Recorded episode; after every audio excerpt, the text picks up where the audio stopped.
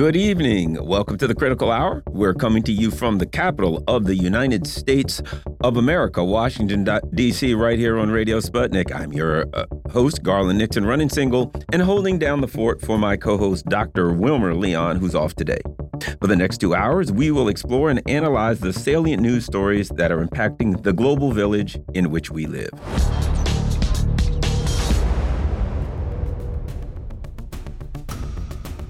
The tragic saga of the Russian plane full of uh, Ukrainian POWs that was shot down by the Ukrainian military continues, and the China's defense ministry has blasted NATO as, quote, a walking war machine, sowing chaos everywhere. Joining us to, to discuss this and more, we got Mark Sleboda. Mark is a Moscow based international relations security analyst. Mark, welcome back to the Critical Hour. Garland, thanks for having me. It's always an honor and a pleasure to be on the critical hour. And I am quite sure that the global female audience will be on their toes tonight hearing that you are flying single. That's right.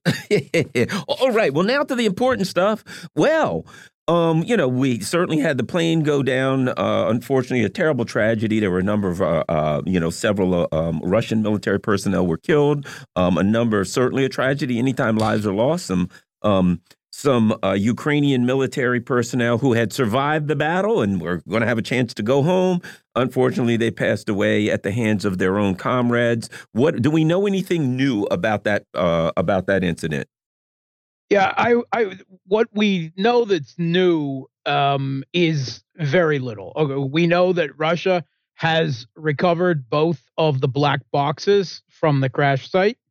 Um, I have seen photos of the crash site. They are not, shall we say, international media friendly because they're kind of bloody and gory. Uh, so I don't advise anyone with a weak stomach to try to to to view them. But I, I've have them uh, a link to them on my Twitter if anyone is that fascinated with uh, the grisly details. Um, a according uh, to reports coming out of the French media, uh, French military sources have said that it was a U.S. Patriot um, anti-air uh, defense system that was used to bring down, and that certainly matches up with the distance. Uh, there's only so many systems that could have been used uh, to be fired from Liptsy uh, in the Kharkov region, a village uh, where I would venture to say that the Kiev regime does not normally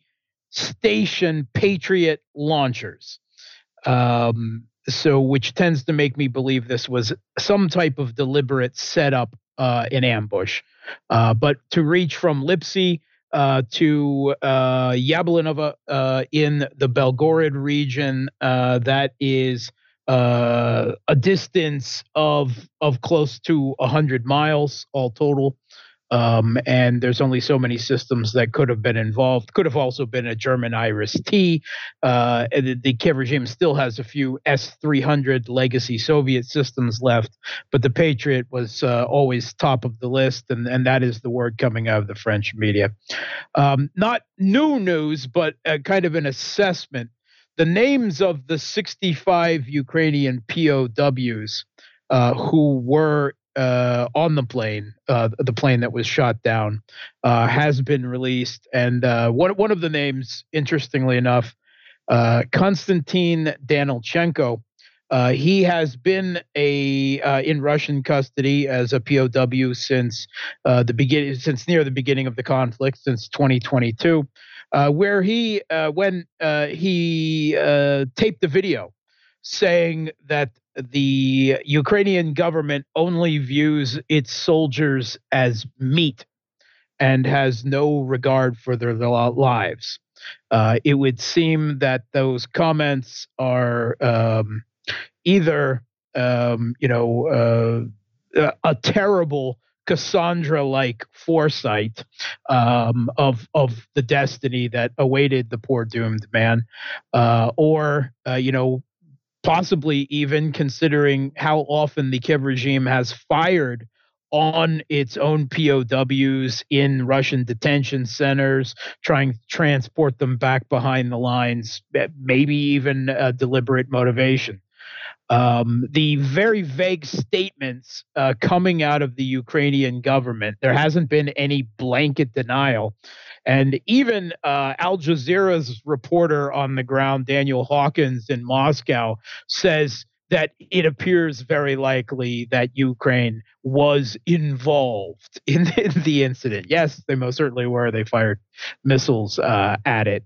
Um, but we've heard from the Ukrainian general staff, which is to say, an official statement from the top of the Ukrainian military, that they will continue to fire on Russian transport planes uh, over the Belgorod region uh, because they regard them as a terrorist threat. Well, that that actually sounds very much like an admission uh, to me um, of of of responsibility. Uh, but um, if in the coming days, um, as we're trying to figure out, was this an accident? Was this a result of military incompetence, or was it deliberate?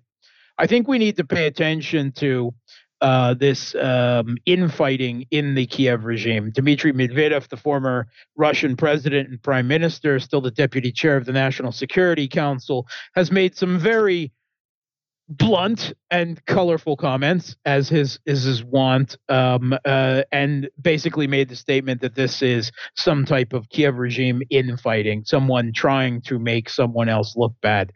And we all know, uh, even the Western mainstream media has admitted that Zelensky is trying to replace his uh, top general Zaluzhny, whom he hasn't been talking to in months over the wishes of the West and a Ukrainian public that increasingly uh, in in Ukrainian public opinion polls, okay, take them with a grain of salt, being held under the regime, but consistently show uh, Zaluzhny showing higher approval ratings than Zelensky, which makes it difficult. However, if Zelensky blames Zaluzhny for this whole affair, tries to pin it on him, that will be a telltale sign for me of a very possible motivation for doing this, creating the perfect excuse uh, to get rid of Zaluzhny. So that's one of the things that I'm going to be looking forward in the coming days.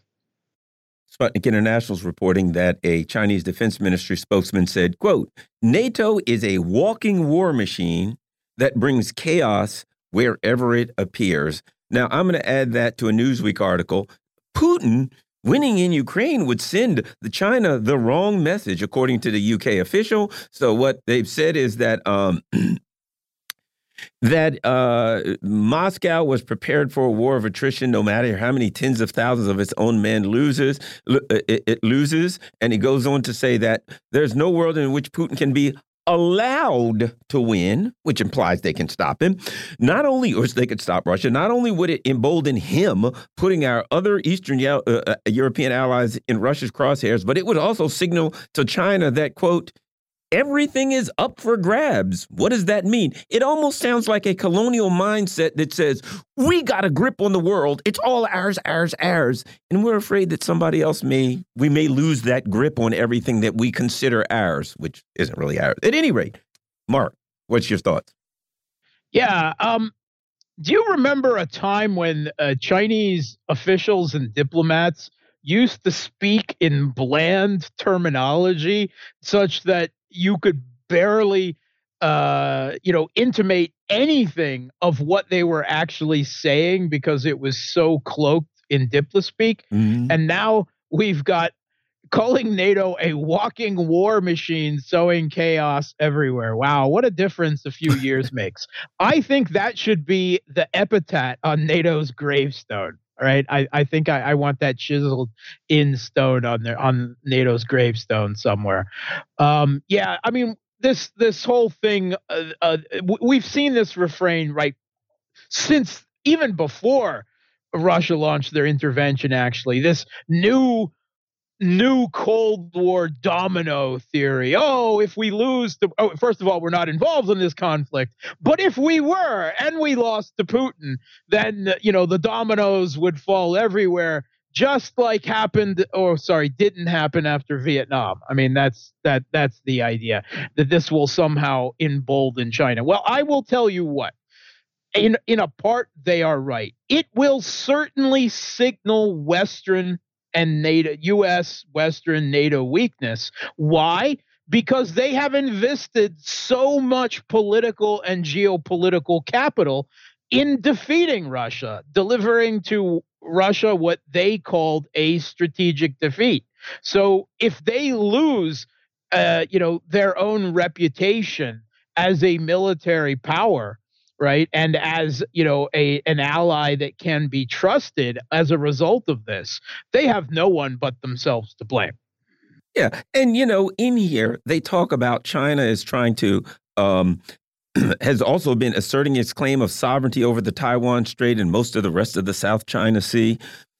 The U.S. is the ones that's trying to go across the world and say we have sovereignty over the over the South China Sea. Oh, by the way, and all other seas. It is if a country says I have a sphere of influence on my border, the U.S. says no, you don't. We control all spheres of influence. There are no spheres of influence, and it's apparently, if someone stands up to say, hey, we are a legitimate world power and we have a right to our security, the U.S. says, NATO says that's a threat, which kind of makes the first guy's point, doesn't it, Mark?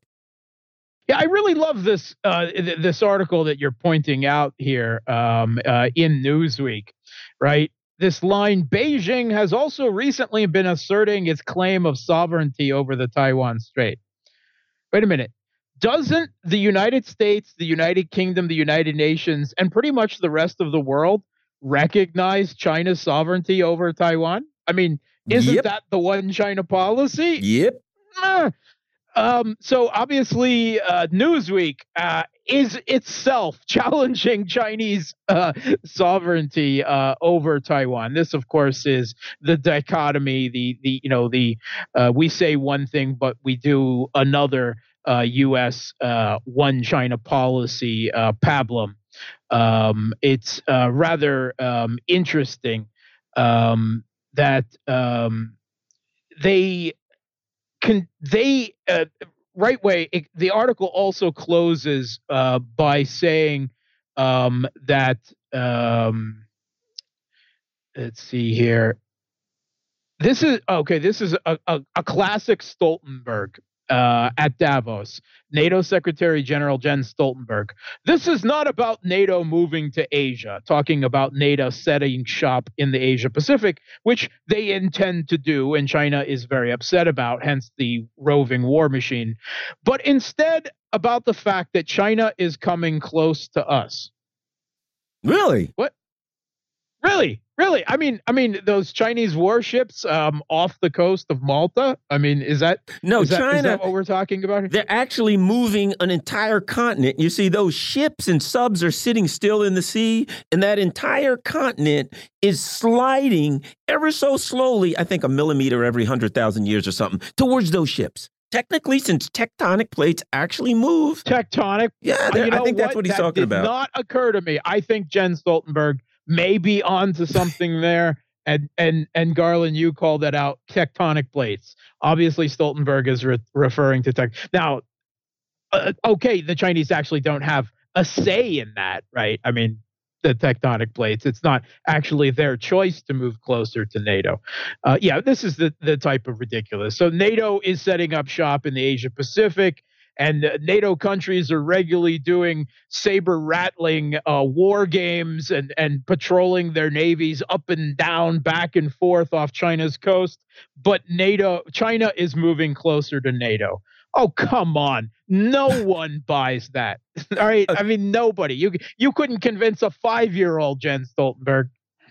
Well, but I think it doesn't matter. You know, they speak it, so it must be true. Mark Sleboda is a Moscow based international relations security analyst. You're listening to the Critical Hour on Radio Sputnik. I'm your host, Garland Nixon. There's more on the other side. Stay tuned.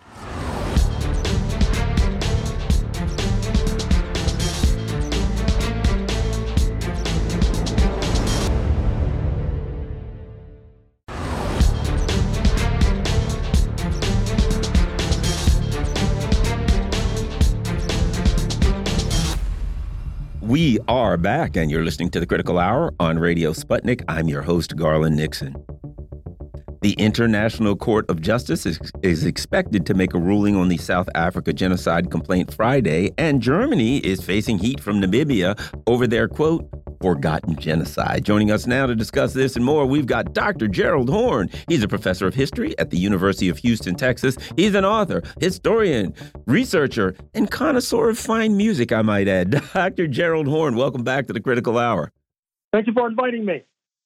Johannesburg, South Africa expects the International Court of Justice to rule this Friday on whether it will grant emergency measures to stop the war in Gaza. South African news website News 24 reported on Wednesday, citing two sources close to the matter. What do we need to know, Dr. Horne? Well, what your audience needs to know is that there is a strong and distinct possibility that the International Court of Justice in The Hague, Netherlands, will issue what amounts to a cease and desist order i.e., an injunction suggesting, demanding that Israel forthwith stop its genocidal campaign against Palestinians in Gaza. Now, if that order is issued, it will then go to the Security Council, where it will likely face a veto from Israel's protector, speaking of the United States of America.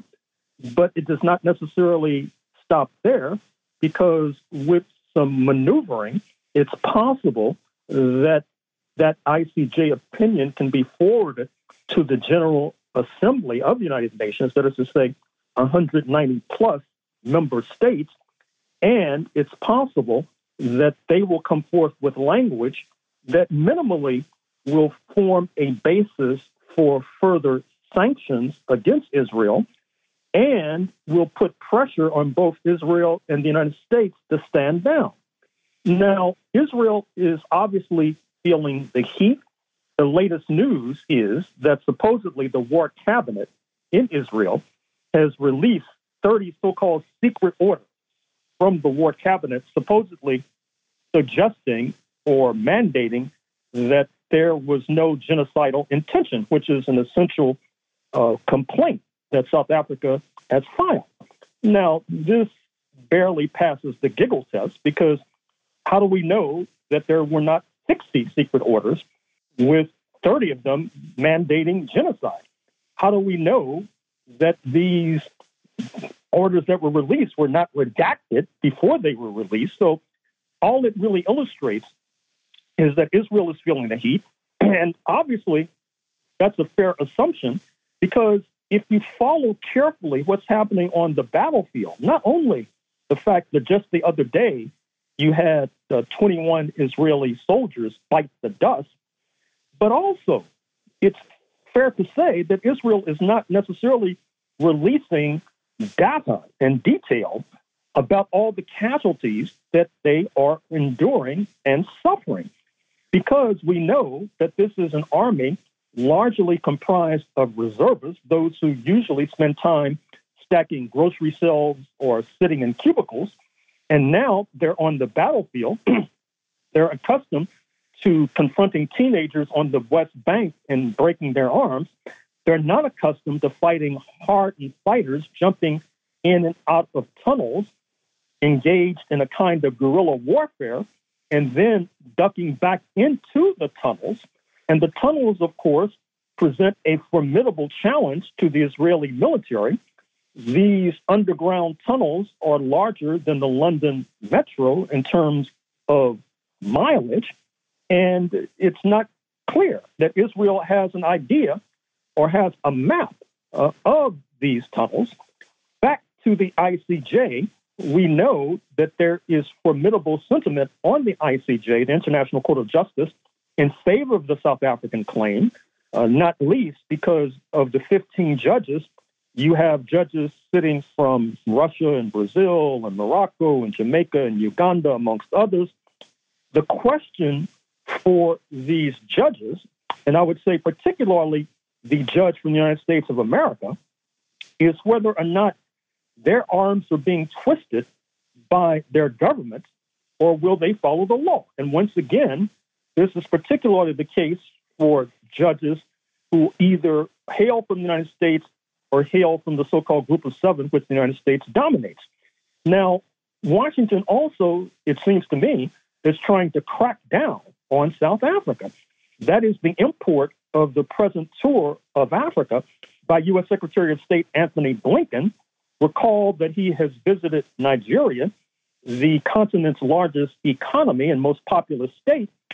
Nigeria sits alongside India in terms of being one of the key members of the so called global south that are not necessarily enthusiastic about the Palestinian cause, not least because of anti Islamic sentiment. Mr. Blinken also has visited Angola in Southwest Africa.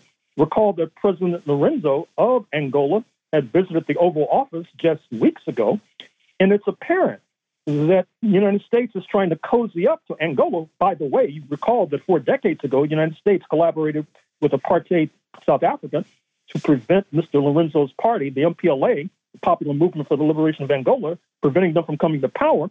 Only the arrival of Cuban troops foiled that dastardly plot. But now the worm is turned, and Blinken and the U.S. are trying to turn Angola against South Africa. Likewise, you see that there has been a very sour response in Washington and in London to the fact that South Africa has joined as aiders and abettors in their petition to governments in Washington and London. Uh, this should be taken very seriously because ultimately it opens the door for the African American community to side with their brothers and sisters in South Africa, ultimately perhaps leading to a claim against the U.S. government for executing genocide against Black Americans, going back to the petition filed by the late great Paul Robeson in 1950.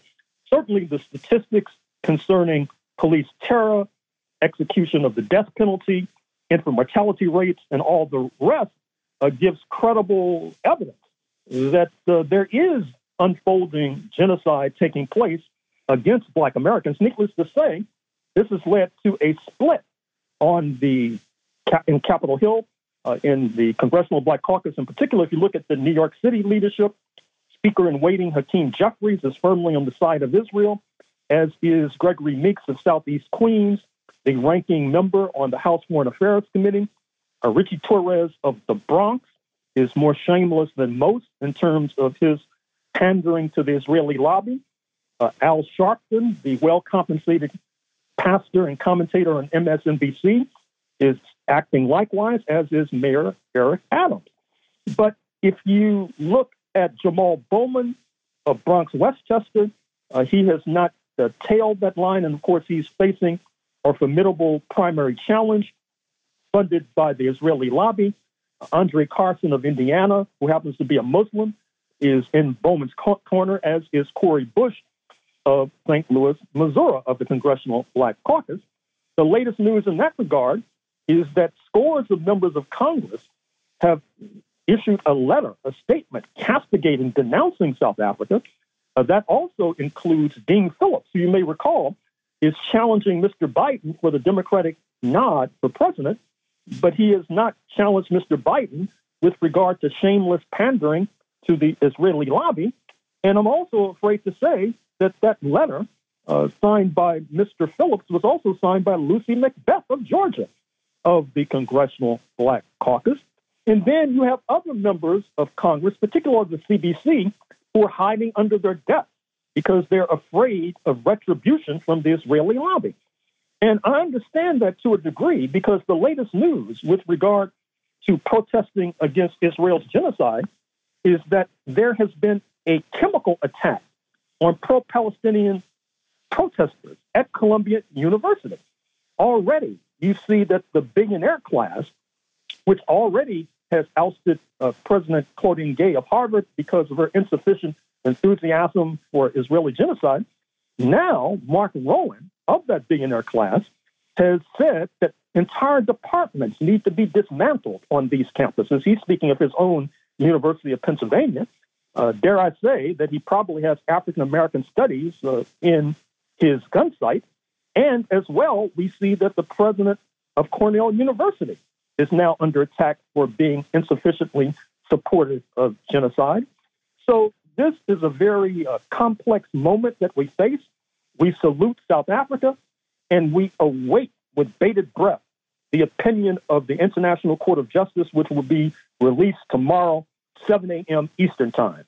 Um, additionally, uh, Germany now has been, I mean, excuse me, Namibia has been giving uh, Germany a hard time. Uh, they brought out the fact that there was, in fact, a the first um, the first of the 20th century uh, genocide was committed by Germany against Namibia. Your thoughts on that? Well, certainly. There has been a long-standing claim by the government of Namibia, formerly German Southwest Africa, Recall that between 1904 going forward into World War I, beginning in 1914, you had one of the most vicious and far reaching and widespread genocides ever perpetrated on planet Earth against the Nama and Herero people of Namibia. Berlin has turned its back on justifiable and credible claims for reparations to this African nation and these African ethnic groups. At the same time, Germany has materialized in 2024 as the main defender of Israel, and in fact, supplied reparations to Israel, even though it was in existence during the time of the Holocaust.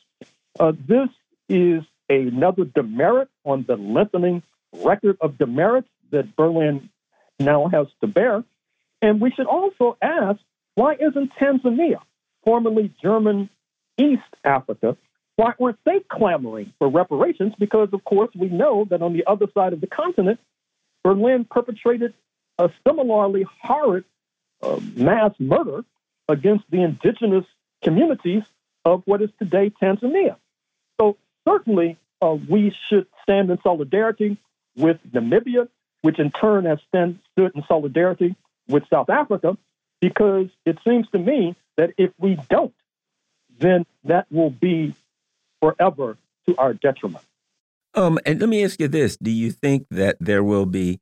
Um, uh, we only got about a, thirty seconds to a minute, about, about, a minute and a half. Do you think there will be a um, a, a, a now a kind of opening the floodgates of global South countries now starting to come back against the colonial powers, maybe file complaints with the ICJ, things of that nature? Well, I hope so, and I trust that that will take place.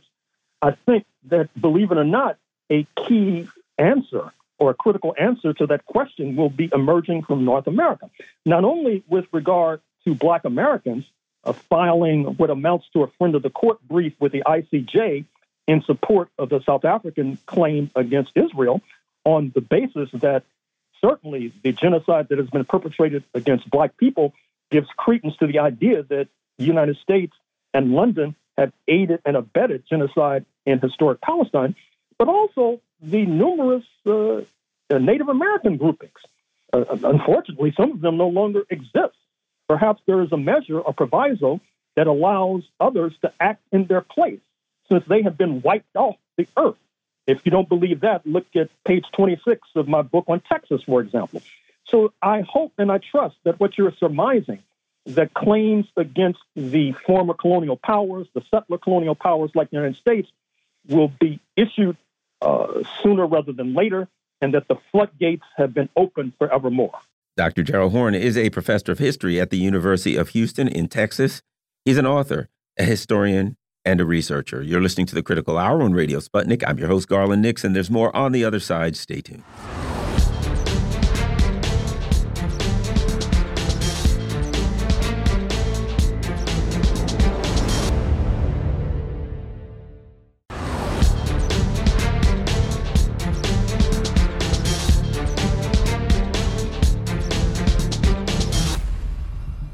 We are back, and you're listening to the Critical Hour on Radio Sputnik. I'm your host, Garland Nixon.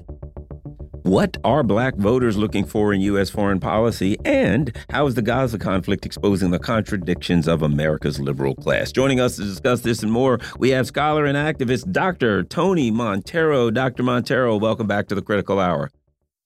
Thanks a lot, Garland. Great being with you. Responsible Statecraft has an interesting article, but uh, but it says, "What are Black voters looking for in U.S. foreign policy?" This study shows how African Americans are sensitive to how overseas wars can impact their communities at home. Now, as you go down this article, it has some major, major holes in it. But the bottom line is this: I think that is a th that even the writer recognizes that black people um, in America, you know, as I always say, they're in the majority in the working class, working poor, and poor are concerned about everyday tabletop issues. Now, he goes on to argue that we, they've got to change. You know how this goes. They got to change the message, of course, always. But your thoughts on that and how it's playing out politically in the 2024 election, uh, uh, Dr. Monteiro. Yeah, thanks a lot for that question. That and that is very, very important. I think that we first have to understand in the politics of this country, we're at a historic turning point. Black folk are a vital part of events that are changing this country. Part of what Black people are thinking, are calculating uh, in terms of where they will stand politically in 2024 is how what the U.S. is doing in other parts of the world, especially in Gaza and in the Ukraine, how all of that affects what happens here at home. In other words, Black people ask the very important question seldom recognized in polling data how is our tax dollars being used and for what purpose? And why are we sending so much uh, money billions of dollars to ukraine or to uh, israel uh, to carry out war when at home in cities like Washington, D.C., and Baltimore, and Philadelphia, Chicago, our communities are crumbling. So, foreign policy and, in fact, peace uh, are on the agenda uh, for Black voters. You know, um, I, and let me say this: I'm surprised, as you know. You know, I'll probably be writing in, you know, the ghost of Eugene Debs or something again, as I tend to do those kinds of things when it comes to, to, to voting. Here's the interesting thing, and I had this happen to me again. I was talking to a friend the other day and said, "Yeah, you know, it's kind of a whole lot of black folks seem to be voting for Trump." And my friend said, "Yeah, my mom and sister and when it started naming family members in their family and saying, "Yeah, they're voting for Trump." I've never seen this phenomenon before where black folks that I know that are just, I mean, they're not lifelong conservatives or anything, are saying they're voting for Trump. And I don't think it's that they love Trump or even some of them say they don't even like him.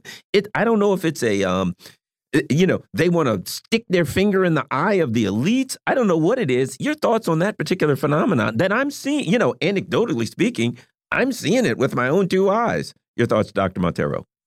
Yeah, well, I mean, we've talked about this before. I mean, it, it doesn't take rocket science to realize that black folk are sick and tired of the Democratic Party. They're sick and tired of Biden, and uh, they're sick and tired of their local Democratic uh, governing uh, uh class. Uh, they're just tired, and they want uh, an alternative, or at least they want the, the ability to send a message uh, to the ruling elite that we are sick and tired and that enough is enough and that we're looking for alternatives. Uh, that is very apparent among black folk, especially those under 40 who are prepared to do what in previous elections were considered unthinkable acts uh, in this case, either vote for Trump or not vote at all. And I can tell you again, Philadelphia is a test case for this, uh, uh, for what we're saying. Uh, the Philadelphia black voters are not voting. They are withdrawing from politics and from the Democrat uh, Democratic Party. That's where we are. I think it's a good thing, by the way. And um, uh, you know what's interesting is, and the other thing that's starting to be questioned. You know, it was in the past. You know, we've got suppose. Oh, look, luck, we're lucky. We've got a black fill in the blank. mayor, governor, whatever the case may be. And the other thing that I think the question is starting to come up is you know what's wrong with the black leadership class? You know we got we, you know we're looking at israel and they're all going right along with what's going on over there which most the numbers say most black people don't agree with. And uh, your thoughts on the the questions that are starting to arise in the black community about the black as uh, it has been called many times misleadership class. Yeah it, it's apparent. And and you know something garland um, you know we just have to talk straight. Uh, like Malcolm X used to say, keep it plain. Look, black people feel that the black misleadership class is corrupt, is self serving, is in politics to serve their own interests. When we talk about the black misleadership class, we're also talking about most of the leaders of black churches. Black people are withdrawing from black churches because They've become venues and sounding boards for politicians. And black people are tired of having preachers and politicians and uh, academics and journalists telling them how they should think and what they should do. They're also tired of the politics of symbols. Uh, this black person as, is the first to do X Y, or Z. The first to be mayor of Philadelphia, the first black woman mayor, all of that. And it means nothing. It's symbols without substance. Black people are tired of this. Uh, they're facing, and we are facing, a set of crises uh, that are unprecedented. We don't know what the future looks like. We don't know if our children and grandchildren have a future. Um, you know, if I could just throw one other thing in here, and this is the trade union movement. You know, yesterday, uh, Shawn Fain, the head of the United Automobile Workers Union, came out in a very passionate uh, uh, endorsement of Joe Biden. And I would predict that Shawn Fain, after you know leading this very important, almost historic strike, where a good part of the members of the union, you know, got something back for a change after having given so much to the auto corporations during, you know, the Great Recession. Well, uh, now he's going to divide his union. Uh, the best thing he could have done was to not endorse either candidate. Uh, this endorsement means that at least uh, half of his union's membership uh, will be at odds with what he did because, as in labor, and black people are a big part of the UAW. By the way, Arabs and Palestinians are a big part of the UAW, especially in Michigan. People want leaders that listen to them. They don't want to be dictated to from above. Uh, and that's where we are. We're in what could be considered a uprising from below. Black folk and black men in particular are perhaps the angriest, most alienated uh, group in the society. They've heard it all. They're tired of the message of wait, uh, we're going, if we elect Joe Biden uh, in 2024, by 2028, he will have done something for us. Well, we can't wait any longer. In fact, wait has always, in our case, meant never. And so this is where we are foreign policy and the question of peace, the, pe- the question of a peace industrial economy as opposed to a military industrial economy is on the table. We want, we black folk, and I think we're, we're joined by this across the board with other people. We want a radical reconstitution of the political system, a realignment of the political system. Caitlin Johnstone writes Everything that mainstream liberals claim to oppose is on full display in Israel's actions in Gaza racism, fascism, tyranny, injustice, and genocide. Uh, we got about three minutes. Your thoughts? Well, I agree with her. I mean, Gaza has exposed it all. In many ways, the world changed in in in important ways on October 7th. I don't think the world will return to what it was before October 7th. Um, you know, you just take the Houthis, uh, what they are doing. A very small people uh, have uh, shut down a good part of international shipping. Uh, the Palestinians, especially those in Gaza, uh, are waging a struggle the likes of which uh, we have not seen in a long time. Uh, but all of this exposes U.S.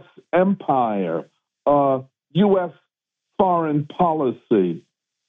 I don't think uh, the politics of this country nor of the world will be the same uh, uh, going forward.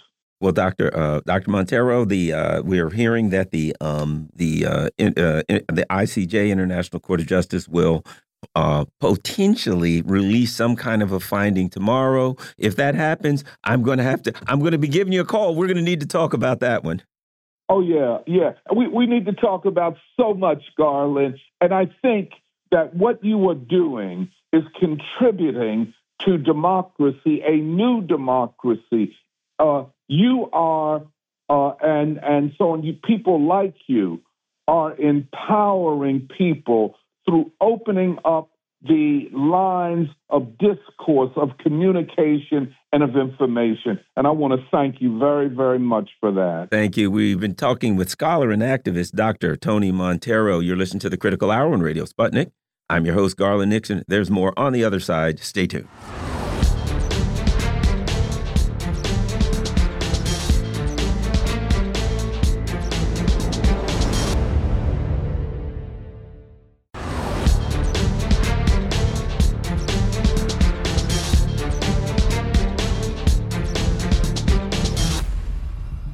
We are back, and you're listening to the Critical Hour on Radio Sputnik. I'm your host, Garland Nixon. Our next guest argues that Barack Obama has left a legacy of black leaders that do not represent their constituents. Joining us now to discuss this, we have the author of this great piece, Jon Jeter. Jon's a journalist and author and a friend of the show. Jon, welcome back to the Critical Hour. It's my pleasure, Garland. Maybe we can get some work done without that gas bag Wilmer. There, huh? now you're talking. All right, you're, I'm going to um, eh, read the. I'm going to read most of the uh, the title of your of your um, um, of your uh, Black Agenda Report article. We'll go with this part. Barack Obama's enduring legacy of black misrule. The U.S. Commission, I love this name. The U.S. Commission on the Social Status of Black Men and Boys is but one example of the shallow opportunism of the black mixed leadership class and of Barack Obama's treachery. You know what's interesting? The U.S. Commission on the Social Status of Black Men and Boys. When I hear that name, I, having worked for the government, you know, in law enforcement, I retired, right? Having worked for the government, when I hear that name, I know it's like a committee or something that will do absolutely nothing. Just the name says exactly they do right. nothing. That's Go ahead. Exactly right. Yeah, that's exactly right. I I uh, made the mistake of assuming because uh, uh, one of my best friends for the last uh, 30 years was named the director of this commission. I mistakenly thought that that that the commission had acted in error they didn't realize what a radical he was. Actually, they were right. I was wrong. he, uh, he became a very safe Negro uh, in their employ, and I was uh, late to understand that. And so, uh, hence the title of my of my uh, article yesterday in Black Agenda Report, uh, which suggests, of course, that it's, it's an expansion of what the late great Glen Ford called or coined, a popularized the term. He didn't coin the term, as Marcus Kimberley, the executive editor of Black Agenda Report, told me he popularized the term uh, uh, black misleadership class. But I think it's it's expanded greatly, I think, exponentially even uh, after Barack Obama, who really uh, persuaded, I think, a lot of blacks who will be in professional, professional class 2010 uh, to go for for the bag, right? That they can get their hands in the bag just like he did if they just shut up and and ape the words that the that the white supremacist, the white nationalist, the white establishment tells them to say. And so I think we're really at an inflection point in history, particularly uh, in terms of the black community, which I think, you know, if we're going to be free ultimately, uh, we need to know where the landmines are. And this is the biggest landmine, or the most landmines are, are represented by um, black misrule at this point. So this and and this tells you if you know anything about uh, government, this tells you it, it, the CSSBMB at their 51st annual legislative conference of the uh, Congressional Black Caucus. They were there, and uh, we've got a picture of uh, uh, of them. But talk about the you know about this conference this event that they had and you know why you looked at that event and you thought to yourself eh, it's probably not going to further the interest of the uh, of the of poor black folks in general. Yeah it and uh you know really um it was a disaster from the start. I worked there for 10 months uh for the commission and this was uh one of the last things i worked on was this commission and i urged against it because it had no energy it had no point to it it was merely an effort to to to, to convince people that the commission was doing something, and it was not. I I write in the article about uh, a book, a great book called Flat Catchers, um, and I can't remember the, the, the subtitle, but it's uh, written by a, a, scholar out of um, uh, New Mexico, I believe. And she wrote about how there's a history of riot commissions. The um, um, uh, CSS BMB was formed after uh, George Floyd's lynching, of course, and how this is a pattern which dates back to the riots of 1919 uh, in Chicago and Omaha and elsewhere, uh, where these commissions are formed, usually government, uh, federal government, the state government. They form these commissions to uh, give the appearance to basically kind of squash the unrest, the upheavals, the riots that that that that uh, occur after these racialized uh, lynchings, which is what, of course, George George Floyd was. and so this is neatly in a pattern. The one exception, although it didn't result in anything, any kind of meaningful legislation, but it was really, they actually did do something. They produced something that is still of value to this day, was the Kerner Commission report, which of course was a commission by the Johnson administration in 1967 and anticipated the riots after Martin Luther King's uh, assassination. Uh, and that was really uh, probably the greatest government document in the history of the United States, and that it really to this day is still prescient and and it was prophetic even not just in the language but in, in its understanding of racism as a problem caused by white people not by black people. Uh, but this commission you know and we're talking you know we have to contextualize this right? I mean we're just in a place where we are a dumber and and less talented america than we were even i would say 40 years ago right? Uh, and so this really kind of met all the expectations that you might have of a commission intended to gaslight uh, black suffering in this post-Obama era, right? Mm-hmm. Meaning that it did absolutely nothing. I talk about the the moderator, uh, a great man named Walter Fluker, is a scholar, a protege of uh, Martin Luther King's mentor Howard Thurman, and he was the moderator, and he's great, but he's not. He doesn't have anything to work with, and so uh, basically the, the recommendations that came out of this uh, conference, if you want to call it that, was you know things like uh, you know to uh, uh, uh uh, educate uh, tenants on the terms of their lease agreements. Hmm. you know, just very sort of puny ideas that don't really move the needle forward for Black people or for America. Wow. And I looked at it. Apparently, they got an annual budget of $2 million. But with that $2 million, they can't afford a website because they don't have what much. They got 55 followers on Facebook and 144 followers on X. Um, and uh, apparently, they broadcast their event on YouTube where they got 773 views. And you have, by comparison, an 18 second YouTube video of a napping beagle logged 1.9 million views over roughly the same time span. They got less views, far less views than a sleeping dog. That and that and that napping beagle was much more interesting than the summit. Let me tell you, it was far more interesting. So what we're looking at to me is, and this is something that is, you know, part of neoliberalism, and it's whether it's the, you know, the working class. I, as I say, I'm convinced that America, as it stands, is not going to do anything for Black folks. Not going to happen. That in a way, you may think I'm wrong. The black folks' best move is to work for the working class and the working poor because that's where a lot of them fall, and to try to get something done for the working class and working poor, poor, poor because since they're in those classes, that will help them the most. Unfortunately, right now, the the government that we have seems just as as, as uh, you know less likely to help those groups as they do uh, black folks in general. Your thoughts? I, I, actually, don't disagree with you at all, Garland. I actually think that is the key. I think we need to contextualize ourselves as in the, in this class war. We have been racialized, and we are the it's a pyramid scheme, right? And we're on the bottom, and that's by design. But I think you're exactly right. I think we need to understand the role that we have played historically in this class war. You know, if you think back to uh, radical Reconstruction, when the, the Confederates, the former Confederates, were arguing with the the carpetbaggers and the Freedmen's Bureau over loyalty oaths, and we don't sign this loyalty oath.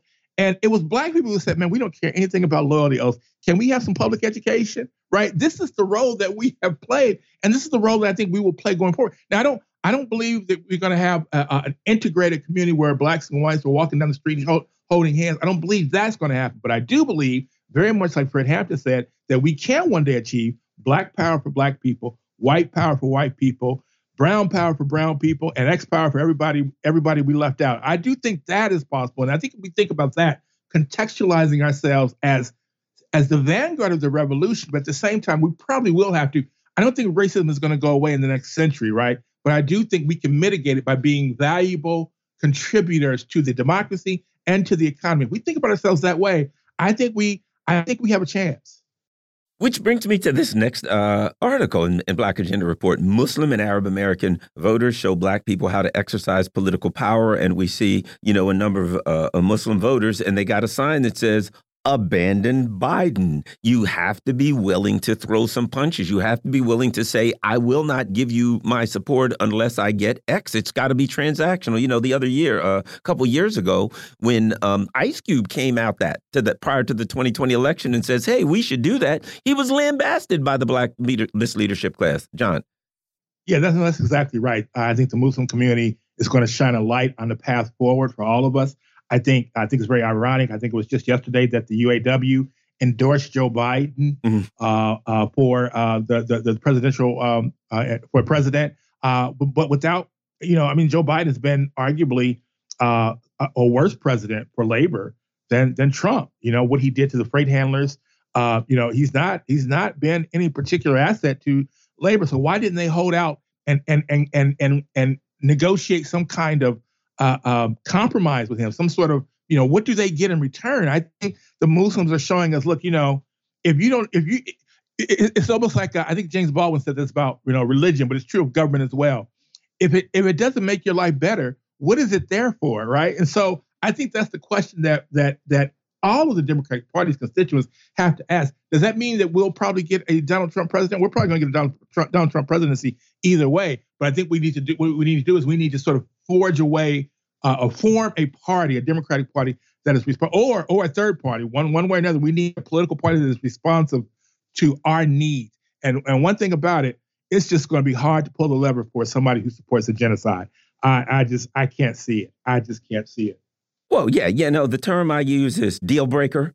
You know, I always say like, hey, the the, yes. the guy that goes in the bar and meets the most beautiful woman he's ever met in his life, he says, "Oh boy, let's date," blah blah, and she says, "Oh, by the way, uh, I'm a chainsaw murderer."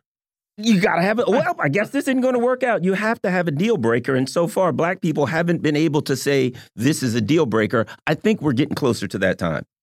Yeah, I think so. I think I think what happened to, to Hillary Clinton with blacks in terms of blacks sitting sitting out the election, I think we're going to see that again in 2024 this year in the election. I think it probably will be even worse than what happened in 2016 in terms of black uh, turnout uh, declining. Uh, I hope so at least because you know we just can't keep doing the same old thing and expecting a different result. Yeah, I think you're right. I think they just, you know, look, the people in charge here, the Democratic Party, just keep kept pushing and pushing and pushing to the point where they're taking black people completely for granted, saying we can do anything we want. As and you know what the, the Clinton people used to say, right? Where else will they go? Well, maybe they'll just stay home and right. maybe they'll just stay home and rake leaves. Jon Jeter is a journalist and author. Thanks a lot, Jon. Thank you. You're listening to the Critical Hour on Radio Sputnik. I'm your host, Garland Nixon. There's another hour on the other side. Stay tuned.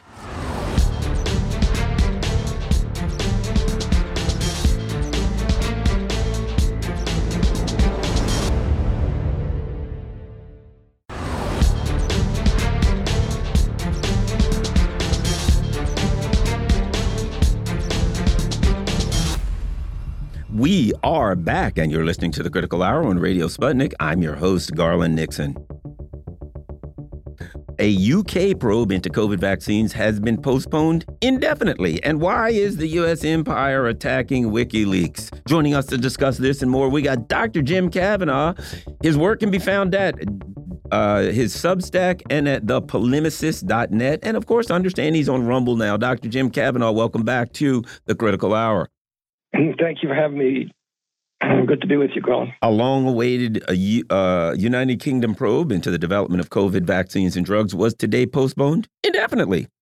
Hearings for the fourth module of the official inquiry were set to begin this summer, but have been rescheduled. Baroness Heather Hallett, chair of the investigation, said, I know the postponement of these hearings will be disappointing for some. Jim, you know, it's interesting because if you're just acting in the best interest of the public, certainly it is in the best interest of the public to have as much information as possible. And it seems to me that people who ask legitimate questions, I'm not talking about people who just say, oh, it's 5G's killing you or whatever. I'm saying people who have ask, and even even 5G, if somebody wants to question that, they should be able to. But people are going to get suspicious when you say we're going to do a probe into the vaccine and development, blah blah blah, and then all of a sudden, yeah, we're not going to do it ever. Your thoughts, Jim? Yeah, this is a. Uh, I consider this uh, COVID thing and the vaccine program and the treatment program also. The vaccine. This is what the iatrogenic is the word for a, a medical disaster, a medically caused health problem. This is the biggest iatrogenic medical disaster in history. I mean, these vaccines were pushed onto people. They were forced to get them. They were fired from their jobs. They were expelled from university. There are still, I believe, vaccine mandates for, for colleges and for jobs. And these are these are really dangerous vaccines. I, I, would contend that they probably have killed more people than COVID itself. Uh, but they've certainly they've certainly done a lot of harm, and the people just ignored. And yet, precisely as you say, questioning anything about this any kind of questioning of the vaccine. What is really going on here? What are the possible long-term, mid-term consequences? These things were pushed out by by Trump. I'll remind you at warp speed for political reasons. Uh, they were pushed out by Fauci, who said a number of times it takes ten years to get a safe vaccine, and pushed pushed them out. And everybody who, uh, uh, who, who dared question them at all was treated like a pariah. And I'll tell you myself, who graduated from the same high school as Fauci, in my Zoom uh, uh, conversations with my fellow classmates worship Fauci, of course. God, you should have heard that. I wrote a long article about the the, the dangers of the vaccine, opposing vaccine mandates and passports in 2021, and uh, doctors on this thread that I had wishing that I would be die at, at agonal death because I questioned the vaccine mandates. uh, so this was a craziness that went around society, and it hasn't, people haven't accounted for it yet. And now it's becoming clearer. There's a lot of things that have come up. Now they've found plasmid DNA in these vaccines. They know the lipid nanoparticles themselves go all over the body. These things go into every organ and induce it to produce a, a, a, a toxic protein that creates immunity attacks on different organs in your body. It's extremely dangerous. And it's just obviously the case. It was a brand new vaccine. We Didn't know anything about it. And now we're finding out about it, but they don't want you to find out about it. And they're hiding, again, like Pfizer tried to hide for 75 years the results of its test. The governments of the, of the, of the world, the British government in this case, wants to hide their own data. This is public information that's part of the universe of public information that should be available to the public. And they're trying to hide it. And they do not, and they'll put this off forever this is going to be like the JFK assassination. We got to hold this off, or we got to hold withhold the doc- documents for 75 years, and we can't do the, the investigation just yet. And when we do the investigation, we'll make we'll try to control it very carefully, and it'll have to be done again and again. And it really is. This is one of the worst disasters, worst medical disaster I've ever seen in my life. And you know, I don't, I haven't done enough enough study to know about you know the vaccine, the danger of it, or the, the yeah, I don't know. But here's what I can say: when you don't allow a conversation about it, when you lambast the people who say, I have some questions about it, you create a dynamic in which people don't trust you. You create a dynamic where people become completely opposed to vaccines because it's kind of the nature of people to say, I may not trust the government. What's going on now? Give me some more information. And when you get no information, when you get the opposite, you know, if you do your own research, you're doing terrible things. To me, the big the big disaster here is the suppression of an intellectual discussion, a legitimate intellectual discussion about not vaccines in general, but this particular vaccine, particularly in the light of the fact that it's new technology. People are going to be scared. So to me, the big scandal is that people were thrown off of YouTube, Twitter, whatever. People were, as you said, attacked when they said, I got some questions, I got concerns, and you create this, this uh, you create a much worse problem um, than being able to uh, you know allow the citizens to, to to to to get comfortable one way or the other with the decision they're ultimately going to make jim yeah, actually right. This is part of what I call the epistemological crisis we're in. You know, you're not even allowed to think or talk about certain things. And if you do, you're going to be punished. And it's crazy. I mean, as you say, what you know, what, this is a drug. It's a it's a new, brand new drug using a brand new technology that is described by its manufacturers as a genetic therapy, and you can't ask about it. You can't question it. New. You do. Doctors and scientists were lost their licenses, were demoted, were fired for questioning this, for just raising normal scientific questions about this, and uh, you know, it's it's it's it's craziness. And uh, but this is part of what we're in now. They've they've, they've turned uh, uh, social media into an enforcement mechanism for the dominant narrative. And if it's a, even if it's a scientific narrative, on the on the pretext of defending science, People are taking the most anti scientific, anti intellectual stances you could possibly take. Don't do your own research. Don't think about this. Don't try and read anything about it. Don't learn anything about it. Just take our word for it. While they're sitting there telling you things that are untrue and they knew were untrue, it wasn't going to stop any from getting, wasn't stopping people from getting the disease or transmitting the disease. And they did not know the things they claimed to know for certain. And they knew they didn't know them. So, and they're now t- going around trying to pretend they didn't say the things they said because they were all wrong. And it, it, but the, the, the this legacy that you described persists, not just about this this vaccine or vaccines in general or issues in general, but about a lot of other issues. You want to question Ukraine? No, no, no. You can't talk about that. You want to you want to question uh, uh, uh, whatever political thing that's outside the dominant mainstream. You're going to get canceled. Uh, so this is a dangerous thing, and it's anti-intellectual and anti-scientific, and it is destroying the possibility of honest, effective intellectual and scientific discourse. Well, you know, Jackson Hinkle, a person who, you know, I, I don't agree with Jackson Hinkle on some things, but I, I certainly um, I don't agree with myself on some things for that matter. So, you know, mine may change from day to day. But um, not long after the Ukraine conflict started, he took a position on it, which he had every constitutional right to take. He gets demonetized and thrown off of Twitter and here and there, and he's back on and he's back off. Um, look at what happens when the uh, Gaza conflict happens. Richard Medhurst, he's on YouTube, he's doing all of this stuff. He gets demonetized on YouTube. As soon as a new event starts up, the latest war or whatever the case may be that the, the neocons start, the people who question, same way, question it, or as they have a constitutional right to do, oppose the government policy, are then punished by, and this is the other part, Jim, by proxies, by agents for the government posing as social media companies, etc. Jim. Yeah, I don't know his name, but I just saw it. Funny because I saw on Twitter yesterday. There's a short video by a Jewish historian about Gaza and what's going on on Double Down News. Today, I saw that that was the Double Down News was totally demonetized by Facebook. So Facebook is acting as the agent. And this video was a, this, by the historian. It was a very good video, very smart. You learn a lot by watching it in a short time. And that's why, because it was truthful and smart, that's why it was taken out down from Facebook, and that's why they're demonetizing Double Down News.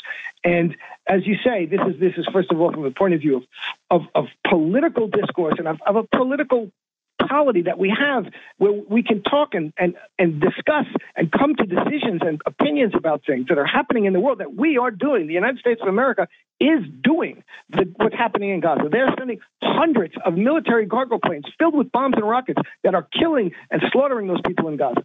So we have to be able to talk about that all sides honestly, and that is being repressed. But with the vaccine stuff, it's it's even scientific questions. With the, the essence of science is asking questions. You know, every every advance in science is is happens because somebody questioned the the, the previous version and it sets more questions to pursue further on. So the idea that you should trust the experts either on science or on politics, you know, trust the neocon experts, trust Biden and Blinken is is it's terrible, and it's it, it's undermining the intellectual and political honesty and the possibility of honest intellectual political and political discourse uh, Canary.co. If WikiLeaks, if WikiLeaks is the enemy, then the true criminals are perpetrating a powerful feat of optics. And they talk about the, the, the what uh, Assange has, has gone through. And basically, one of the things they talk about is this is about him exposing the crimes of the empire. Jim. Um, it's obvious. you know, he's not an American. He has the United States doesn't U.S. law doesn't apply in Great Britain. You know, he's done. He didn't hack anything. He is being persecuted for publishing uh, information that he got from that was truthful information that embarrassed the United States and demonstrated its criminal behavior in Iraq and other all kinds of other things. And that's why they're going after him. You know, he's identified by Pompeo and Hillary Clinton as non-state, uh, you know, uh, terrorist actor of some kind because he's telling the truth in ways that are going to undermine the American narrative about what they're doing. And this has been going on for 10 years. This guy has been pursued and he's done nothing but publish true information. Nothing that he said was untrue. And, uh, you know, they, they've thrown all kinds of crap at him. For 10 years, he's been essentially in, in uh, uh, confinement of some kind and uh, he's been running around trying to avoid uh, going to jail, prison for 175 years. It's just disgraceful. This is coming up in the in the begin, in February, the final British decision, and uh, it, it, that the media don't treat this as an emergency.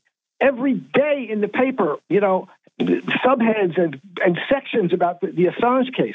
This is an assault on freedom of the press, and you know, it's already had an effect and it certainly will have an effect. Anybody who wants to publish true information that's going to uh, uh, contradict the American narrative has to think now: Will I be pers- will I be pursued like Assange is and be having to run around the world hiding away?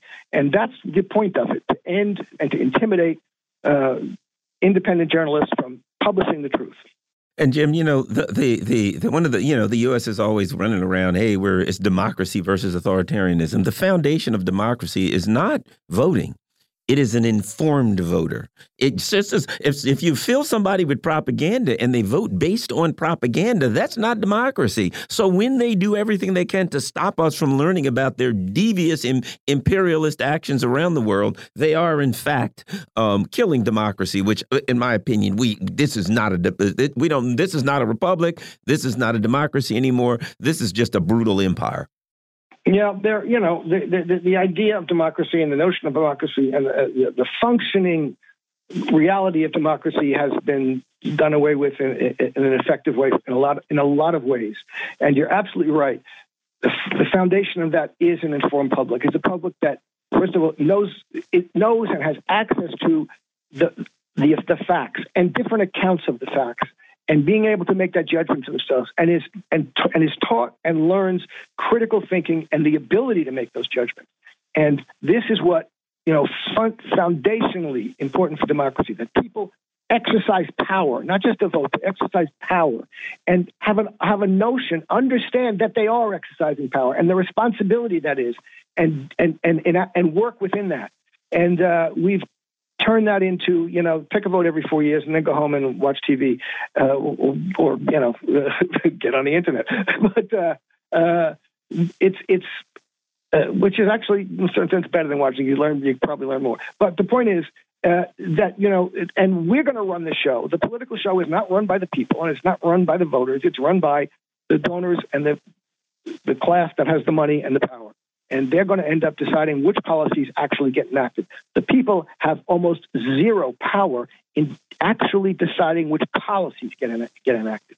Well, and it's now it's go up to this voting machine and uh, push on something and trust us, it will be counted. trust us, it'll be counted fine. It's it, everything's going to work out right. Dr. Jim Kavanagh, his work can be found at his Substack, thepolemicist.net, dot, net, dot net, and of course, Jim is now on Rumble. You're listening to the Critical Hour on Radio Sputnik. I'm your host, Garland Nixon. There's more on the other side. Stay tuned.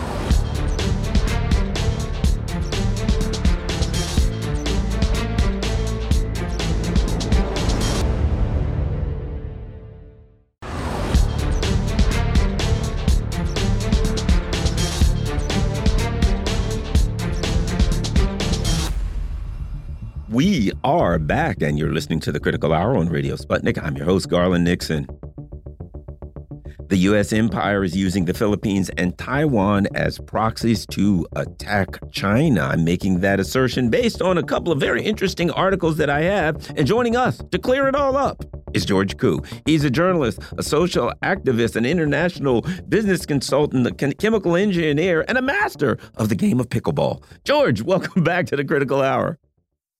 Thank you, Garland. It's nice to join you. Great, great. How's the pickleball going these days? Well, I just got I just got off the court and it's going fine. Wonderful, wonderful.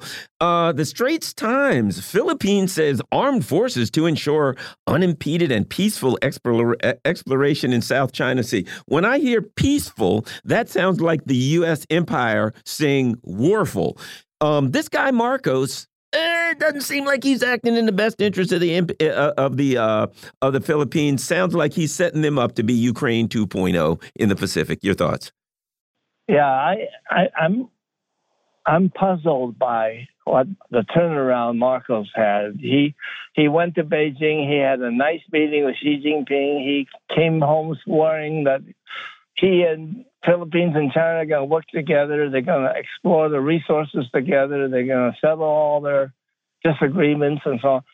Next thing you know, the Defense Department, Larry Austin, paid him a visit. and He changed his tune completely. And right now, he's clearly positioning Philippines to be the first candidate for a proxy war. Um, you know, not even the Taiwan people are interested in the war, but he seems to be much more keen to take China on, and he he has to be smoking something if he thinks his Philippines um, military can be a viable force, and and he must be also smoking something if he thinks the North Atlantic Treaty Organization is going to use Philippines to be the first base in, in their expansion, which could very easily happen.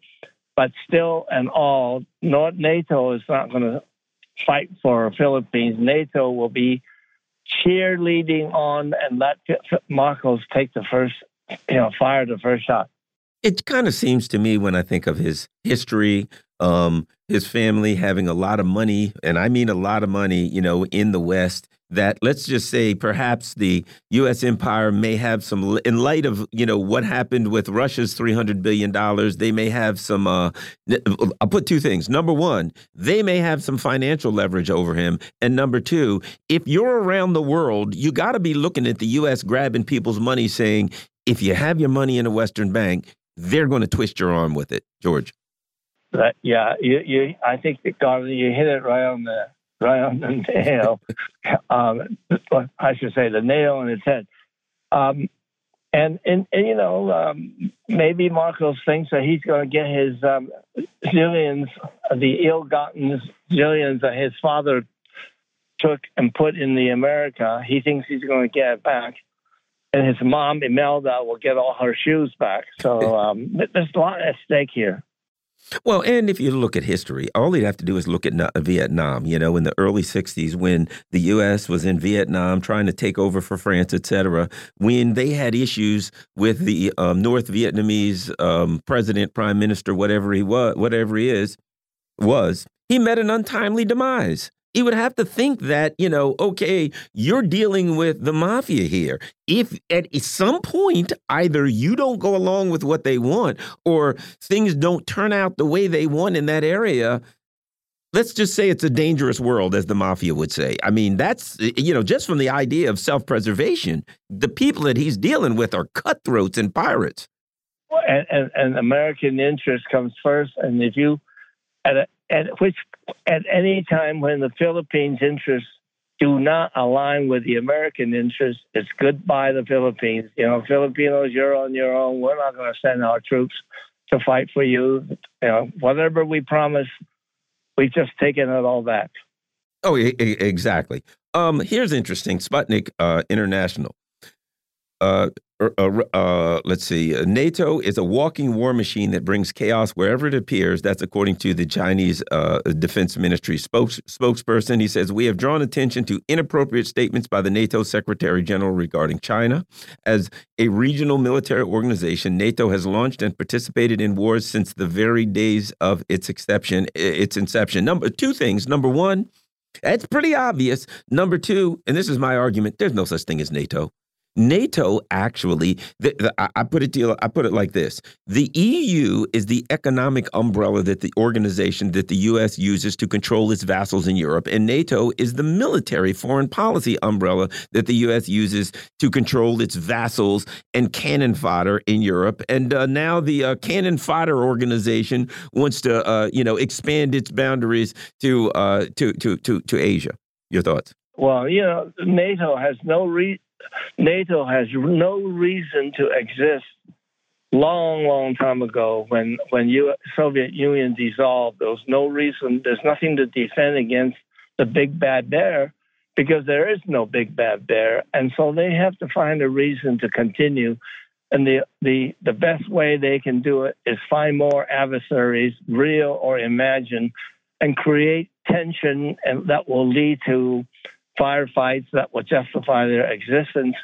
And then they'll have to go and find somebody to go fighting for them. And in this case, it's either going to be the Philippines or it's going to be the Taiwan, uh, the Taiwanese. Oh, uh, uh, absolutely. And and if you look at NATO, what it really is, you know, it's the U.S. empire's like just war machine. It's a it's a big excuse right now. You could make an argument when you look at the countries that are in the Red Sea, as um, Yemen does. In my opinion, there's an argument to be made. Maybe I'm wrong. I'm not an international rights lawyer, but um, the Genocide Convention basically says any countries will do whatever they can to stop um, a genocide. And Yemen has at least an argument that they're doing something to stop genocide, whether or not they're allowed to do what they're doing, whatever the case may be. But if you look at the countries that are gathering in the Red Sea to to fail once again, as NATO is really, really good at doing with the U.S. empire, it's NATO in the Middle East. They took out Libya and Afghanistan, and now they're trying to uh, apply their wares in the Asia region. Yeah. You know, it, it really doesn't matter whether the Houthis has a right or doesn't have a right. Where they stand is they're standing in sympathy with the Palestinians, and they figure by targeting ships that's either owned by Israel or going into Israel or coming from Israel as they come through the Suez Canal and the Red Sea, they'll fire on them. And and this is just not a bunch of peasants shooting pea shooters. They are a hardened group of warriors and they have weapons. And who's supplying them? Nobody really knows. Maybe Iran, but there are a lot of Arab nations uh, in the Middle East that deeply, deeply resent the U.S., resent what Israel is doing. And so they, and this is a real extreme asymmetric strategy that is going to put Israel in a real economic bind and the way the U.S. and UK is handling it by charging into Yemen and trying to take out the Houthis, they will find themselves mired in another forever war.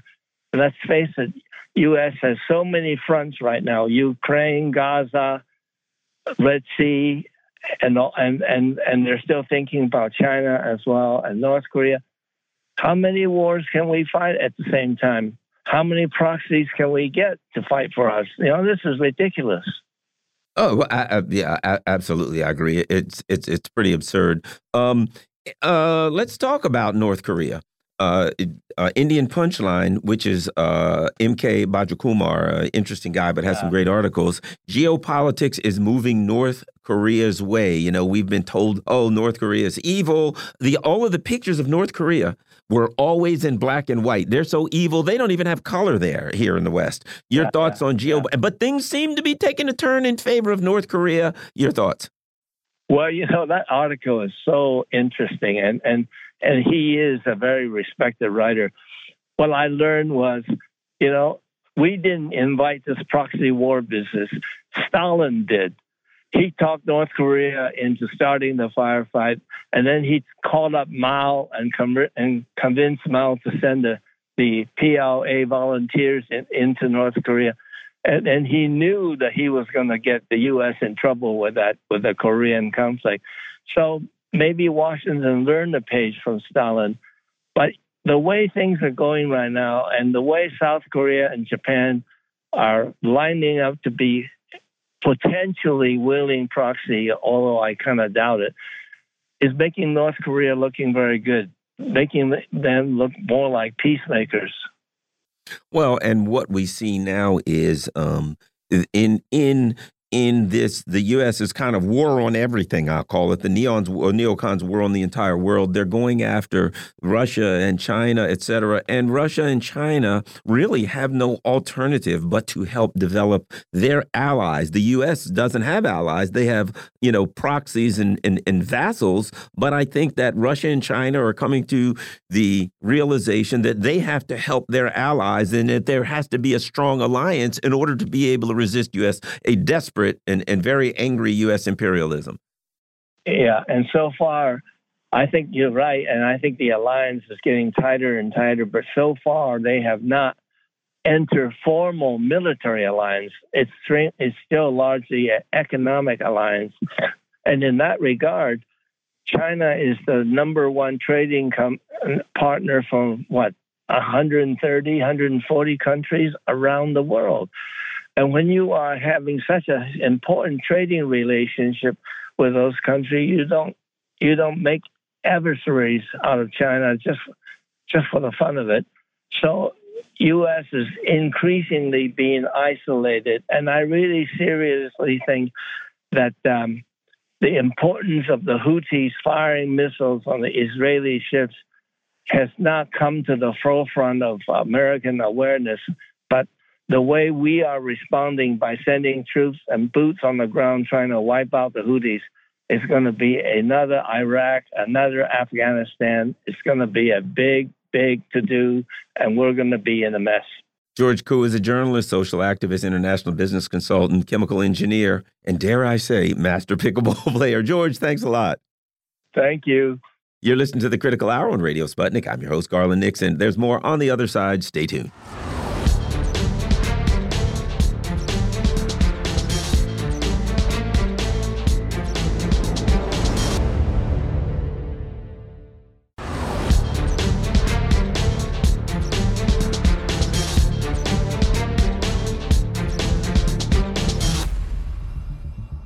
Are back, and you're listening to the Critical Hour on Radio Sputnik. I'm your host, Garland Nixon. Europe is facing an economic catastrophe, and the UK has signed an absurd defense pact with Ukraine. Joining us now to discuss this more, we have Ted Rall. He's a political cartoonist, syndicated columnist, and host of The Final Countdown right here on Radio Sputnik. Ted Rall, welcome back to the Critical Hour.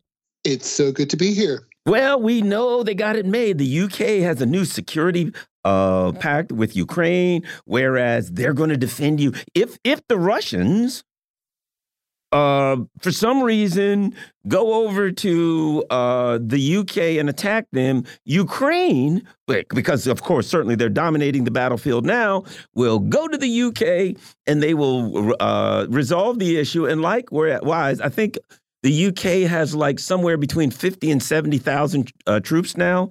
Well, apparently, they're going to somehow help Ukraine in a way that they're not able to do now. Whatever the case may be, this is an important security pact. Ted Rall.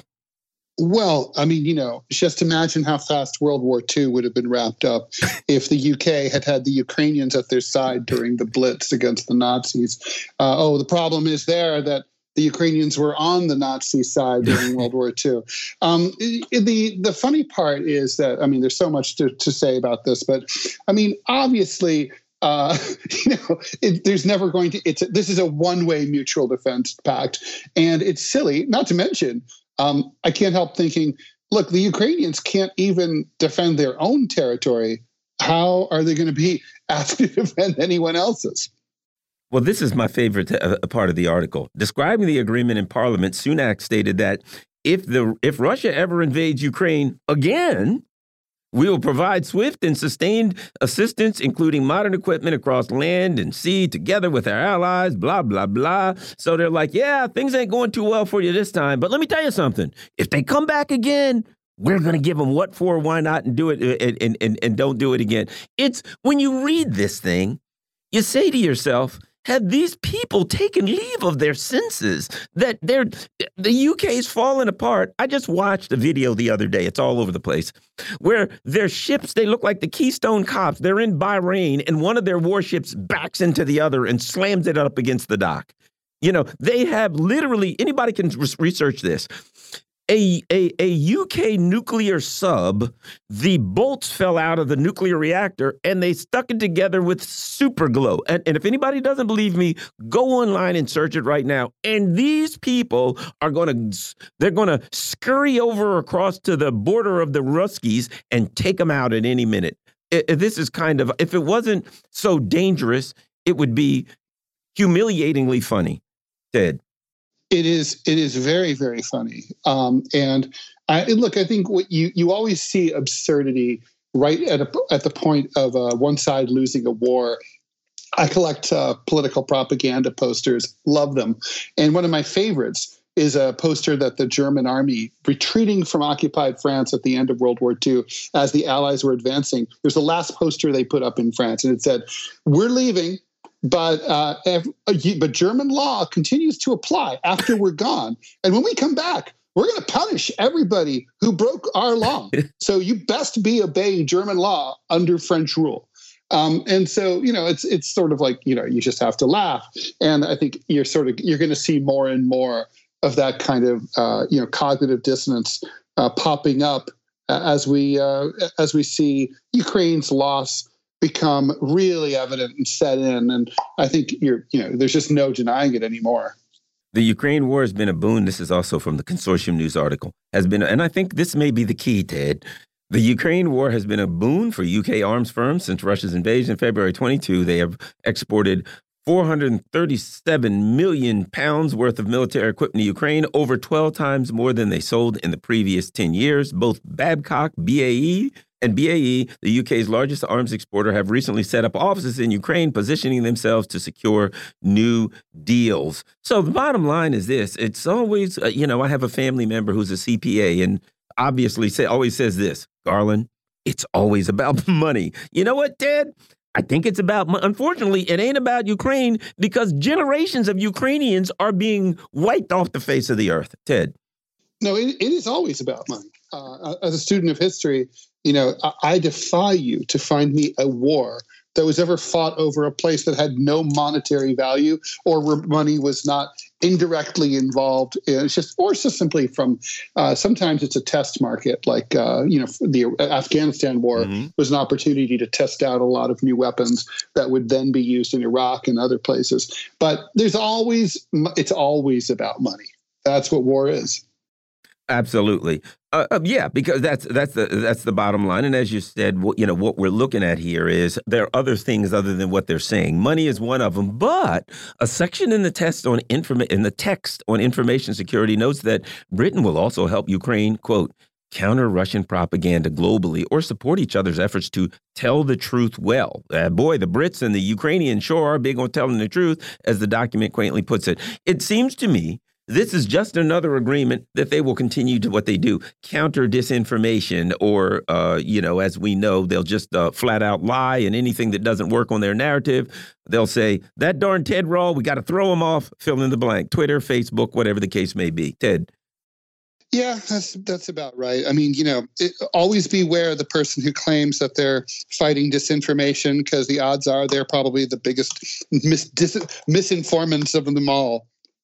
Well, you know, um, there was an article a while not that long ago by Matt Taibbi, and he had a lot of inside information on these disinformation groups and, and like notes and all that stuff, where they were literally just basically saying, We're the good guys. So what we say is right. There, whoever that includes us, any American citizens, anybody out there who's saying things that go against the narrative are the bad guys. And it's just a matter of the good guys have a right to shut down the conversation of the bad guys. And when it comes to the whole disinformation, I think that's what it comes to. It's kind of like a cultish kind of behavior. We're all good. So by but you know, automatically whatever we say is good and whatever Ted Rall says and people like us are bad. Yeah, no, I, I mean that is correct. Um, that's that's the way they look at it. That's their logic. Um, and of course, it's transparent. I mean, everybody always thinks that they're the good guy. I mean, I was growing up reading superhero comics. I always thought like, yeah, but you know, the Joker doesn't think that he's bad, right? it's like it's like Hitler never thought he was bad. Uh, you know, it, it's just it's. Uh, the the victor definitely controls history. Um, the problem for the Brits and the Ukrainians is that the Ukrainians aren't the victors in this particular contest. Yeah, things aren't working out real well for them. Major European trade unions, and it's just terrible because nobody wants to see this war and this carnage and this death, and it's horrible. But it'd be far, it'd be far better for the Ukrainians and everyone else. You know, I, I spoke with someone a, a, a, while back that had family in Ukraine, and all they kept saying, what they said to me basically is what I would expect any human being to say. You know, I have family all over Ukraine, and my family members just want the war over. They just want a normal life. And as much as, you know, we're told to believe that Ukrainians are bad guys and Russians are good guys, or Ukrainians are good guys and Russians are bad guys, when it comes down to it, there's people's families. And all they really want on day to day is just to be able to live their lives without bombs dropping on them and, you know, uh, uh, all kinds of terrible things happening, Ted. Well, yeah, no, I mean, having traveled uh, to places like Afghanistan and the West Bank and Gaza, I 100% will just confirm that. I mean, people are people everywhere. Uh, whenever someone says, oh, you know, these people, like let's say Arabs, don't care about their own lives or whatever, that's just dehumanizing BS. It's never true. People have the same exact priorities everywhere. They want to live a happy, healthy life, they want their family to be secure, they want to do well. Um, major European trade unions are raising the alarm due to the major downturn in the EU's industrial sectors. The relentless surge in energy prices is dealing a severe blow to a cornerstone of the bloc's economy and is prompting profound concerns. Um, Ted, they blew up Nord Stream. The United States, the Biden administration blew, let's call it like it is. They blew up Nord Stream and they celebrated. They did their end zone dance, they high five, they chest bump. They did literally, they're out there like, yeah, what a great thing that happened. We weren't involved, but it sure is a wonderful thing. All kind of opportunities are going to happen. So they, they basically, the Biden administration murdered Europe's economy. And now the Europeans are like, hey, our economy's dying oh, this is pretty un- un- disconcerting. Ted. Yeah, no, it's uh, pretty funny. I mean, it's totally, uh, it was economic suicide. And, um, you know, at the time that it happened, I know that, like, we talked about it on your program. I mean, we knew this was going to, the effect was going to fall disproportionately highly uh, on, you know, on Europe. And it's weird to me that the they didn't think they didn't see this coming a million miles away. I mean, um, the funny part is that if you really look at the overall geopolitical outcome of the Russo-Ukrainian conflict, Russia took some lumps and the West went after them, but really no one suffered the way that the, the West has and and will continue to. I mean, the truth is this has actually opened up a bunch of new relationships and markets for Russia that they never would have had otherwise. So, in a way, I think historic from a geopolitical historical point of view, um, you know, it's it's been a, a net positive for Russia. Uh, th this article also says that some companies are seeking compensation from the EU for losses due to sanctions on Russia. Bad news for them, Ted. They ain't getting it. The EU could care less. The leaders in the EU don't work for them. They work for these guys right down the street from me and on uh, on Capitol Hill. So they're barking up the wrong tree, Ted.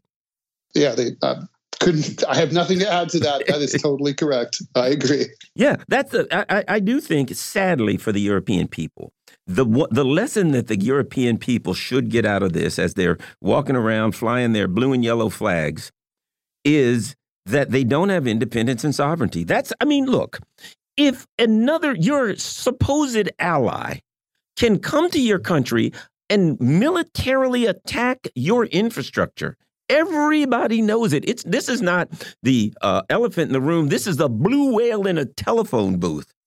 And your le the leaders of your country will just kind of stick their hands in a box. Oh, nothing to see here. You're done. You don't have leaders. You don't even have a country. You have a colony, a cult. I don't know what to call it, Ted. You know, I think the um, the main objective of the United States in getting involved in World War II was not to liberate Europe, although that was a happy result of Western Europe. But um, you know, the the objective was to do exactly what they've accomplished, which was to turn the European Union, the European economy, the continent, into a vassal state and a market for American goods. And you really see that very clearly the way that, uh, you know, they called uh, former Prime Minister Tony Blair Bush's poodle. Um, and, you know, you could say that about all of them, whether it's Emmanuel Macron in France or uh, anyone, you know, former Angela Merkel. The Americans really run Europe. And, you know, a lot of Europe and a lot of Europeans know it and they don't like it. Um, lastly, um, nearly 50,000 UK businesses are on the verge of collapse. Well, you can just get rid of that and say the UK is on the verge of collapse. It ain't all that big. If 50,000 businesses are on the verge of the co collapse. So, as um, Rishi Sunak goes to make some kind of a deal with Ukraine that he's going to, they're going to help protect the UK if the Russians, there ain't going to be nothing left to protect. Um, it's going to look like 28 days where people are just running around trying not to, you know, get eat bitten by the infected or something. Ted, uh, probably shouldn't have used that 28 days uh, reference, but you get my point. Yeah, no, I, I, it's it's true. I mean, uh, it, it it's a misappropriation of priorities and resources. Uh, these are nations that are supposed to be looking out for their own citizens and their own people and making sure that they're doing well, and that's just not what they're they're on about. Oh, absolutely, and it gets back to this. You know, the the U.S. We pretend as though we've got a special relationship with with with with England but our relationship with the UK seems to be no different than our relationship with Germany because while we militarily attacked uh, Germany, you know, we militarily uh, attacked them, we may not have physically, kinetically attack the UK, but the actions that we are taking, the things that we are urging them on, dare I say, even forcing them to do, although some of it is voluntarily by their ruling elite, is the same. It's having the same effect. The UK probably has the worst economy. If there's an economy worse right now, in worse shape, or spiraling out of control, um, more so than uh, Germany, it would have to be the UK, Ted. Yeah, no, that's that's true, uh, and it's. Uh, I think we're going to see. It's just. I mean, the situation's just going to worsen, especially if uh, energy prices go up as a result of the Houthis' activities in the Red Sea. All right. Well, we've been talking with Ted Rall. Ted is a political cartoonist, syndicated columnist, host of the Final Countdown. You can go to Rall, R A L L dot com for more. You're listening to the Critical Hour on Radio Sputnik. I'm Garland Nixon. There's more on the other side. Stay tuned.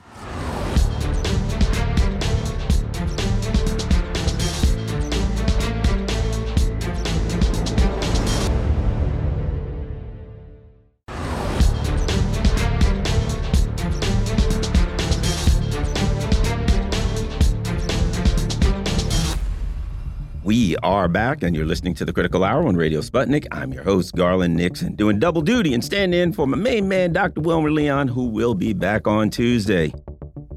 Nikki Haley is now running only on Wall Street donor money. That's the fuel that's keeping her in in the uh, race because apparently the uh, the voters aren't. The Fani Willis corruption scandal in Georgia is growing, and lawfare is used to stop Donald Trump. Let's start here. There's a, a Yahoo News article. Uh, we're working on getting another guest. Apparently, our guest fell off, but that's okay. We'll do the best we can for the next uh, the next few minutes. Trump Criminal charges. Here are all 91 felony counts against the former president across four, uh, uh, four cases. This is on Yahoo News. Yahoo News breaks down exactly what Trump is being charged with in each case, as well as the judges, prosecutors, co-defendants, key dates as he waits trial. So they go over the trial, the, what he's being charged with. But what I think is important is not what he's being charged with, but why he's being charged for this reason. One of the things that we've been told and certainly I'm a left leaning guy, no Trump fan or Biden fan, but one of the things that we've, I'm, so I guess that makes me kind of not all of that biased. But one of the things that we've been told in early in these investigations against Donald Trump was look, no one's above the law. It is critical that we hold Donald Trump, you know, uh, uh, you know, accountable and etc. right? Oh, wait a minute. We got Jim Kavanagh, the one and only Dr. Jim Kavanagh. Welcome back. I just couldn't stay away, Garland. Oh, man, you know. Well, anyway, so here's my point, Jim 91 felony counts against Donald Trump. And here's what we're told.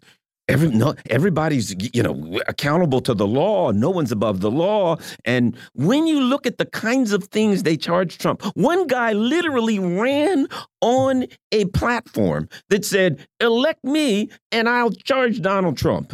He got elected. He charged Donald Trump. And I'm supposed to believe that he charged Donald Trump because, hey, he's just following the law, Jim.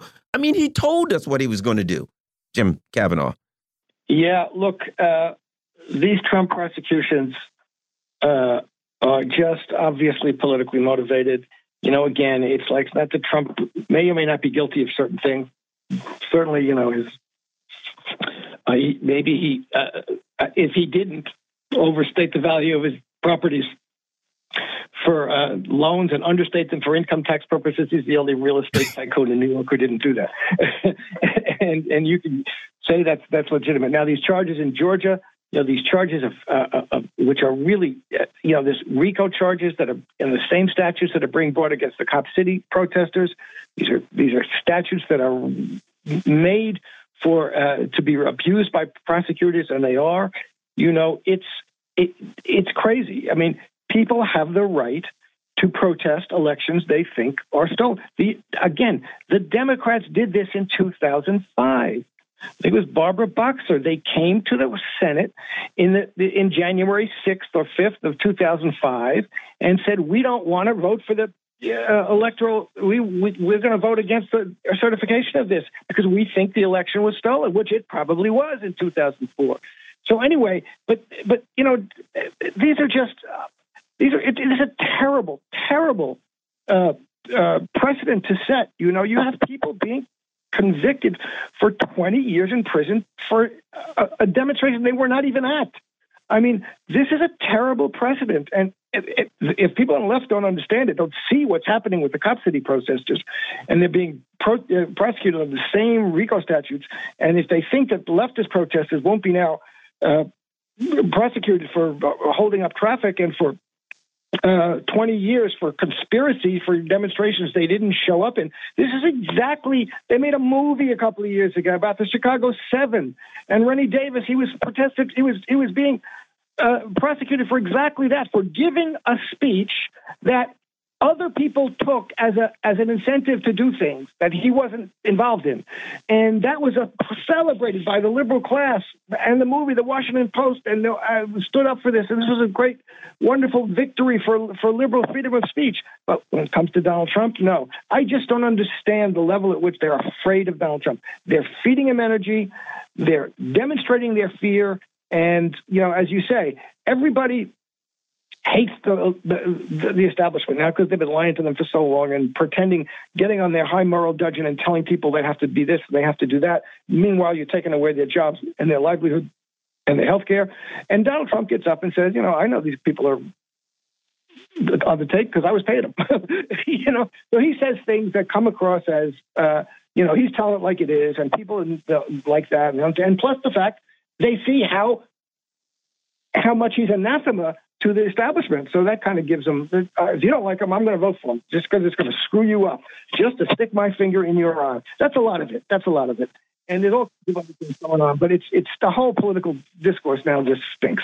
Here's the other thing I think that is important, and then again, it's what you talk about the crisis of epistemology, the crisis of really talking about how do you know what you know. Because I'm a person, uh, I shouldn't have to say I'm not a Trump supporter, but you know, you know, you're going to get attacked as a Trump supporter. But when I simply say I believe in consistency, how can I look at Barack Obama coming in in 2008 and people saying you got to you got to charge Karl Rove, you got to charge Bush, you got to these crimes are obvious, these crimes are axiomatic, they're self-evident. You have to go after them. And Don and, and Obama says we're trying to move forward. He didn't say they weren't guilty because everybody could see what they did. I mean, they certainly deserved their day in court. But he said, we're moving forward. We're not looking back. So if it's George W. Bush, if it's Karl Rove et al., we're moving forward. We got to move. We can't possibly move backward for lying America into a war and all kinds of torture, all kinds of illegalities. But Donald Trump, for saying I, I think the election was stolen for saying, uh, oh, excuse me, for his company saying, eh, you know, this com this this real estate's worth X amount of dollars and it's a, and it's higher than it should be. He's got to go to jail. Why is it that we're not moving forward here? It is wrong. I don't care who you do that to, Jim. Yeah, you know, and, and Nancy Pelosi also said we knew Bush was lying to us, and we knew it, but we're not going to do anything about it.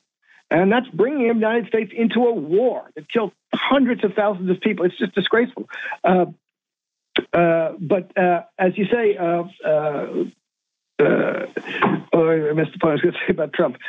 But if you, but, here's the other thing. If you look at now, here's the other thing. They're saying, okay, this is about the election and election integrity. Well, here's what we know: the FBI went in 2019, in December of 2019. They went to Delaware and they got Hunter Biden's laptop. They knew it was Hunter Biden's laptop. The guy had to ask them twice, almost twist their arm to get him to get it, but they came and they got Hunter, Hunter Biden's laptop. They then took it back and did whatever they did, but they knew it was Hunter Biden's laptop because they had it and they're the FBI. And then just before the 2020 election, they went to Twitter and Facebook and the news and everyone and said, if anyone tells you that there's a Hunter Biden laptop out there and uh, there's kind of things on there that ain't going to look good for Joe Biden. Don't believe them. It is a uh, Russian misinformation program. You're going to need to censor them, and we'll be happy to help you. That is criminal activity. So the F nobody in the FBI gets charged with. I mean, criminal activity. They affected the outcome of the election with malice and a forethought. It's incontrovertible that that's a criminal activity that they acted deliberately to affect the outcome of the election. Nobody there is going to get charged, but Donald Trump for saying, "I think I was robbed." Oh boy, we got to stop. We got to go after you. Uh, no one's above the law, Jim. Yeah, no, uh, uh, they they certainly. Uh, you know what I was going to say is what you said about Bush and that, and you know Bush, we're not going to look back. We're going to look forward. I only wish people have not looked backward. They're keeping Trump in the news, you know. And yes, that was election interference. And you know, but if you're going to look backward, you know, you got to look backward at everything from election interference that the Democrats did and the FBI did to the Bush lying about the war.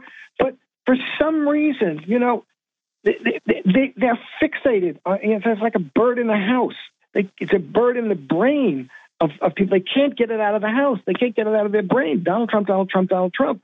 Only if they had just if they had just let if they let him talk for himself and let him try and inch his way back or crawl his way back by talking, you know, he's not going to do himself that much good. He really isn't.